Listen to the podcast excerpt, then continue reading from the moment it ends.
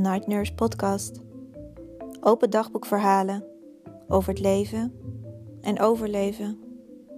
Reis mee door vragen, door de donkerste nachten en het levenslicht.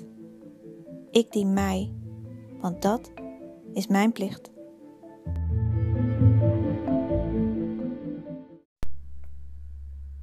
Hoe is de zorg in Nederland eigenlijk geregeld? Wie betaalt het en wie bepaalt het? Hoe werken systemen, vergoedingen en hoe helpt dat alles mij en jou? Super interessant om af en toe in te duiken. Nou doe ik dat graag. Dus dat is vooral vandaag waar deze podcast over gaat. Listen up.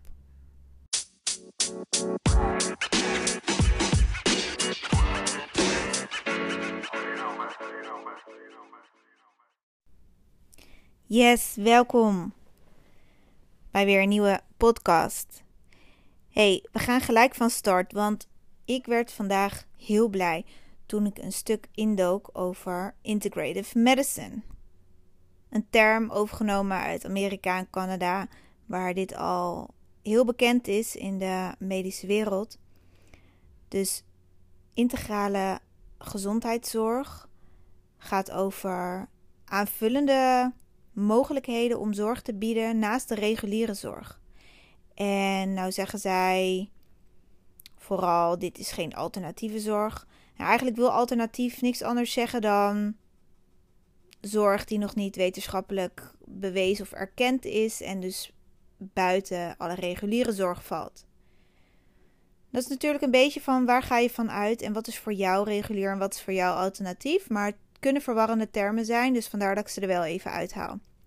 Dan hebben we ook nog het begrip complementaire zorg. Ook dat is een verzamelwoord voor aanvullende zorg. En waar werd ik nou zo blij van vanochtend? Het ging over een uh, webinar waar ze ingingen op uh, integrative medicine en dan uh, in het bijzonder integrative oncology. En alle um, ja, inzichten en um, manieren om vanuit daar aanvullende zorg te kunnen bieden werden toegelicht. En ik vond het super interessant omdat het uh, redelijk ingebed is nu in het Rijnstaten ziekenhuis in Arnhem. En er komen nu ook mogelijkheden in andere ziekenhuizen, waaronder het Isala en um, het Haga. Dan werd er nog wat genoemd. In ieder geval, het is gewoon een beweging die op gang komt. En ik ben daar zo blij mee. En op zichzelf is integrative medicine een heel logisch volgende stap als je kijkt naar hoe onze reguliere zorg is opgebouwd. Want ze zijn opgebouwd vanuit um, wetenschappelijk bewijs. Hè, we gaan dingen onderzoeken, er zijn controlegroepen, er zijn onderzoeksvragen. En op het moment dat dan de uitkomst goed lijkt, gaan ze iets inzetten. En dat wordt dus ook gemonitord.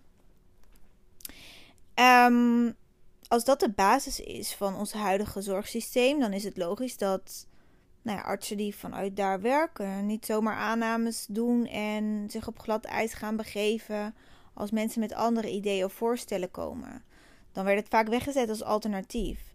Maar wat nu dus super tof is en ja, in mijn optiek dus heel helend voor de mens en heel verrijkend, en voor het hele genezingsproces op alle fronten. En het maakt niet uit over welke ziekte of aandoeningen we het hebben. Um, het verrijkt gewoon en er komt steeds meer geluid en steeds meer bewijs.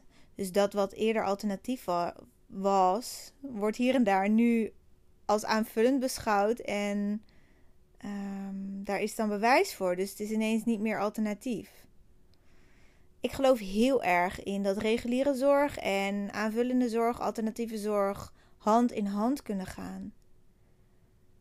Um, en dus kun je van het beste van twee werelden gebruik maken en gebruik maken van maatwerk. En ik ben ook geen voorstander van, oh, mijn buurvrouw heeft dit of dat gedaan, dus het moet ook werken voor mij. Dat is een mindset die ik niet kan volgen. Ik geloof in maatwerk. Dus kijken wat past voor jou en ga dat dan onderzoeken. Ga kijken naar ehm, ja, feiten die je kan opsporen. En nou ja, de gebaande paden daarin kun je dus steeds meer volgen. Acupunctuur is tegenwoordig heel normaal. Aromatherapie is ook heel normaal geworden. Um, hyperthermie wordt in het bijzonder toegepast nu voor de uh, doelgroep binnen de oncologie. En dat was eerder echt, uh, jaren geleden was dat gewoon alternatief. En het is nu gewoon een, een, een goed bewezen uh, in te zetten therapievorm. En weet je, het zegt ook niets over het uitsluiten van elkaar. Ik denk juist het afstemmen op elkaar gaat het verschil maken. En hoe fijn is het dat je binnen de reguliere zorg, als je onder behandeling bent, dat bespreekbaar kan maken met je hoofdbehandelaar. En vanuit daar juist het beste team voor jou kan verzamelen. En als je daar open en eerlijk over kan zijn, dan ga je ook een proces op gang zetten waar, waarbij iedereen met elkaar mee kan denken. En kan een arts dus ook eerlijk zijn over als jij met een idee komt waar hij of zij echt zorgen over heeft of, of denkt, nou dit is niet veilig, dan kan het bespreekbaar worden gemaakt. Of als jij een bepaalde behandeling volgt en je wilt daarnaast iets anders gaan doen, dat elkaar kan bijten en juist ervoor zorgt dat het allebei niet goed gaat werken, dan is het heel fijn dat je dat dus kunt bespreken. Ik ben dus super blij met deze uh, ontwikkeling en er is nog een lange weg te gaan.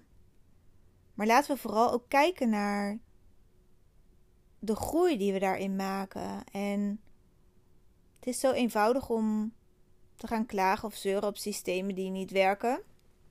En geloof me, dat doe ik ook. Um, maar vanuit daar probeer ik echt wel de transitie elke keer weer te maken en te kijken naar mogelijkheden. En wat lukt er wel? Zo kijk ik ook naar mijn cliënten. Oké, wat, wat, is de vraag waarmee iemand komt? In plaats van wat is je probleem? En als iemand komt en een probleem presenteert, wat is dan de onderliggende vraag? Wat is nu de behoefte echt? Want dat is waar het over gaat. En laten we vooral kijken naar de sterktes die je hebt, je talenten. Want dat gaat het verschil maken voor de toekomst van diegene. Een groeimindset creëren om stappen te kunnen maken. In plaats van de focus gaan leggen op alle zwaktes en alle problemen en alles wat er niet goed gaat. Dat is waar ik in geloof. Dat is ook de beweging vanuit de positieve psychologie. Uh, die steekt daar ook zo op in. En weet je, we, we gooien vaak van de een naar de andere kant dingen op één hoop. En in plaats van juist de vruchten te plukken van elkaar, hè, van, van welke beweging of therapievorm of hoekje ook komt, wordt er dan ja, naar elkaar gekeken alsof de ander het niet goed heeft. Maar weet je, ieder mens is anders en ieder, ieder mens heeft andere behoeften. Laten we elkaar vooral stimuleren daarin en motiveren daarin. En wat werkt voor de een, kan misschien werken voor de ander, maar dat is geen feit. Dat hoeft niet per definitie zo te zijn. En onze reguliere zorg is opgebouwd uit um, bepaalde zorgsystemen en standaarden en methoden. Um, en dat wordt al jaren zo gedaan. Dus het is ook niet gek dat daar vanuit die visie ook alleen dat pad bewandeld wordt. En er zijn individuen die verder kijken. Maar als jij een arts of, of verpleegkundige of psycholoog of whatever wie bent die zorg verleent en echt gelooft in dat dat werkt en daar ook eerlijk en open en kritisch naar is, dan snap ik dat je dat blijft doen. Alleen het verschil zit hem in: ben jij overtuigd dat jouw waarheid voor iedereen geldt? En wil jij dus vanuit daar ook iedereen overtuigen? Of heb je een open mindset en neem je ook mee dat dat voor een ander niet de waarheid kan zijn en mogelijk niet passend kan zijn? En ben je bereid om regelmatig stil te staan en bewust na te denken over wat je doet en welk effect dat heeft? En vooral in de ehm, GGZ en de geestelijke gezondheidszorg is het natuurlijk moeilijker te meten dan in een ziekenhuis waar een bepaalde behandeling wordt ingezet en je bloed wordt geprikt, waar hele duidelijke waarden uitkomen. En dan kunnen we het nog hebben over de interpretatie van zorg hè? en het effect van uh, medicatie en de hele pharma die erachter zit en alle belangenverstrengelingen. Um, daar is het laatste woord ook zeker nog niet over gezegd. En ik geloof echt wel in het gebruik van medicatie, maar vooral binnen de acute zorg. Ik vind het mooi dat. Dan heb je soms huisartsen van, nou ja, vaak van de oude stempel, die echt iemand binnen zien komen en ja, echt contact maken menselijk. Ehm, maar die, die, die ook de mensen kunnen lezen. Ehm, en niet per se denken in protocollen of in ja, medicatie. Op een gegeven moment zijn artsen gaan leren medicijnen te bestuderen. De medicijnleer. In plaats van de leer van de mens. En dan is het dus interessant van hoe kijk je naar de mens. Ja, nou, ze hebben allemaal gelukkig ook mensen en zorgverleners die we kennen die ja, verder kijken dan dat. Maar laten we ons ook beseffen dat er een oorsprong is gelegd ooit. En vanuit daar is men gaan bouwen. Dus de westerse geneeskunde heeft een heel andere grondslag dan de oosterse. En daar waar eeuwen geleden mensen alles in naam van God deden, uh, want dat was de lijn en de richtlijn en het pad, is men nu de wetenschap gaan verafgoden. En lijkt dat alles bepalend te zijn. Terwijl we hebben nog een eigen stem, een eigen gedachte, een eigen gevoel. En we zijn allemaal zo anders. Laten we dan niet doen alsof we allemaal naar de standaard moeten leven. En laten we ook eerlijk en kritisch durven zijn, ongeacht hoe een zorgsysteem ook gefinancierd wordt. Nu in 2022 komt er een nieuw um, zorgpresentatiemodel voor de GGZ en de eh, forensische zorg. En dit gaat dus het oude systeem vervangen. Nou ben ik daar even in gaan duiken. Ehm, ik heb lang niet alles kunnen lezen, want het is veel omvattend en het is heel veel. Ehm, maar waar ik dan wat moeite mee heb, is. Ehm, in principe is het gericht op verbetering. Laten we dat voorop stellen. En er zijn altijd heel veel slimme uh, koppen die alles weer willen verbeteren. Alleen verbetering gaat niet altijd per se over het verbeteren van de zorg voor zowel de zorgverlener als hè, de, de mens die die zorg ontvangt. Maar het gaat ook vaak over financiën. En op een gegeven moment duik ik daarin en lees ik over uh, zorgvraag typeringstools. En over het typeren van je patiënt. Nou, daar krijg ik toch wel een beetje jeuk van. En, een, en ik begin op mijn achterhoofd te krabben en denk: serieus?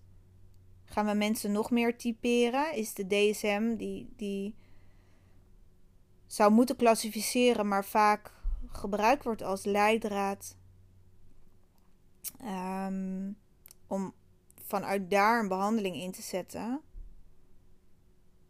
Is dat niet al genoeg? Labels plakken en. Waar zijn we eigenlijk mee bezig? Laten we eens teruggaan naar de bron en laten we nog eens een stap verder terug doen. En in het huidige zorgsysteem is het ook niet eenvoudig om het anders te doen, want zonder diagnose is er geen behandeling. Want dat wordt dan niet vergoed. Maar in plaats van meedansen met het systeem en roeien met de riemen die we hebben, hebben we niet af en toe even juist terug te gaan naar waar is dit ooit begonnen? En dan wordt het interessant. Want hoe is de hele GGZ ooit begonnen? Ik heb daar op mijn socials een filmpje over gedeeld. Dat is best schrijnend. Mensen die ooit op werden gesloten, weg werden gezet, gewoon letterlijk gemarteld werden. Dit werkt een tijdperk van 1700. Dat is de basis van onze psychiatrie. Mens onerend. En er is gelukkig een heleboel veranderd. Een heleboel. Alleen er blijft een overal gezien benaderingsverschil tussen degene die zorg verleent en de mens die zorg ontvangt. Um, waardoor het al lastig wordt om heel mensgericht contact te kunnen maken en verbinding te kunnen maken en vanuit daar zorg te kunnen verlenen. Ook niet iedereen is daartoe in staat omdat ze dat niet geleerd hebben. En juist leren, oh je moet professioneel gezien zoveel afstand bewaren en want dan is het professioneel. Wie heeft dit ooit bedacht? En wie stelt de vragen, wat zijn we nou aan het doen? En is dit de manier? De hele um, ehm, DSM wordt gepresenteerd alsof het wetenschappelijk bewezen is. Dus dit is hoe we het doen. Maar als je daar dan induikt, wat ik dus doe, ontdek je dat het helemaal niet allemaal wetenschappelijk bewezen is. En dan denk ik, hoe dan? Weet je, als jij iets onderzoekt en dat daar bewijs voor hebt vanuit die optiek, want laten we wel wezen, perceptie is projectie ook. Um, en cijfers en statieken kunnen op een bepaalde manier gepresenteerd worden dat je hetzelfde verhaal op twee manieren kan vertellen en is allebei waar. Maar laten we vanuit het, vanuit het goede gaan en vanuit daar kijken, oké, dus als de reguliere uh, zorg zo is opgebouwd, dan hè, vanuit die wetenschap en dan ga je er bijna van uit dat het binnen de GGZ ook zo is. Dan ontdek je toch maar, hé, hey, oké, dit zit toch wel heel erg anders. Hmm. En dan ben ik dankbaar dat we een zorgsysteem hebben. Dat we allemaal zorg kunnen ontvangen. Daar gaat het allemaal niet om. Maar waar het mij wel om gaat, is dat we kritisch te blijven hebben. En elke keer weer terugkomen bij onze essentie. En bij wat geloof ik nu echt. En het is niet eenvoudig. Maar ik denk wel dat jouw basis ligt bij kritische vragen durven stellen. Mocht je ooit uh, ergens mee te maken krijgen voor jezelf en, en, het gevoel hebben: oké, nou, volgens mij heb ik hier of, of dan wel voor mijn lijf of uh, psychisch, emotioneel of energetisch, whatever, hulp voor nodig. Dan is vaak je eerste stap de huisarts. En ga daar gewoon open zijn. En weet dat er zoveel meer mogelijk is dan de standaard. En dat op zichzelf is al verrijkend. En vanuit daar kun je wel kijken welke wegen kan ik bewandelen. En ga ook niet afhankelijk zijn van je zorgverzekering. En we kunnen niet in elkaars portemonnee kijken, maar ik weet wel dat waar een wil is, een weg is. En als je in eerste instantie uitgaat van dat wat jou dient en jouw gezondheid dient, dan ga je ook verder kijken. En dan gaan er mogelijkheden gecreëerd kunnen worden. In plaats van dat je vasthoudt aan, oké, maar dit is het hokje waar men mij in plaatst, dus ik blijf hier ook maar comfortabel zitten. Als dat niet is wat jouw hart wil of wat jouw gezondheid vraagt, dan heb je uit dat hokje te stappen. En dan gaat het niet over het een tegen het ander. Nee, het gaat over en en. Dus omarm wat er is, blijf kritisch en verken al je mogelijkheden. Dat is wat ik iedereen gun. En ga vragen stellen aan je huisarts. Wees open. Ga niet verwachten dat je huisarts dan ineens alle antwoorden heeft. Het is je eigen verantwoordelijkheid om op onderzoek uit te gaan. Want er is zoveel. Maar je hoeft maar net datgene te vinden wat bij jou past. En als dan jouw huisarts de brug kan maken naar dat wat voor jou helpt. En jullie hebben daar gewoon goede communicatie over. Dan verrijk je elkaar toch?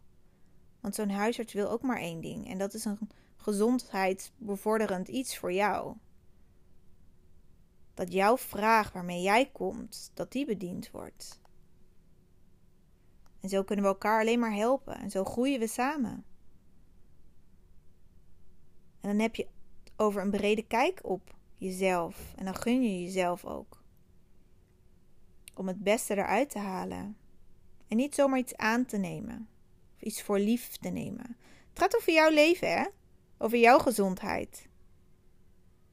Super interessant. Ik hoop dat dit je iets heeft gebracht. En zo niet, dan hoop ik dat je gewoon lekker hebt vermaakt.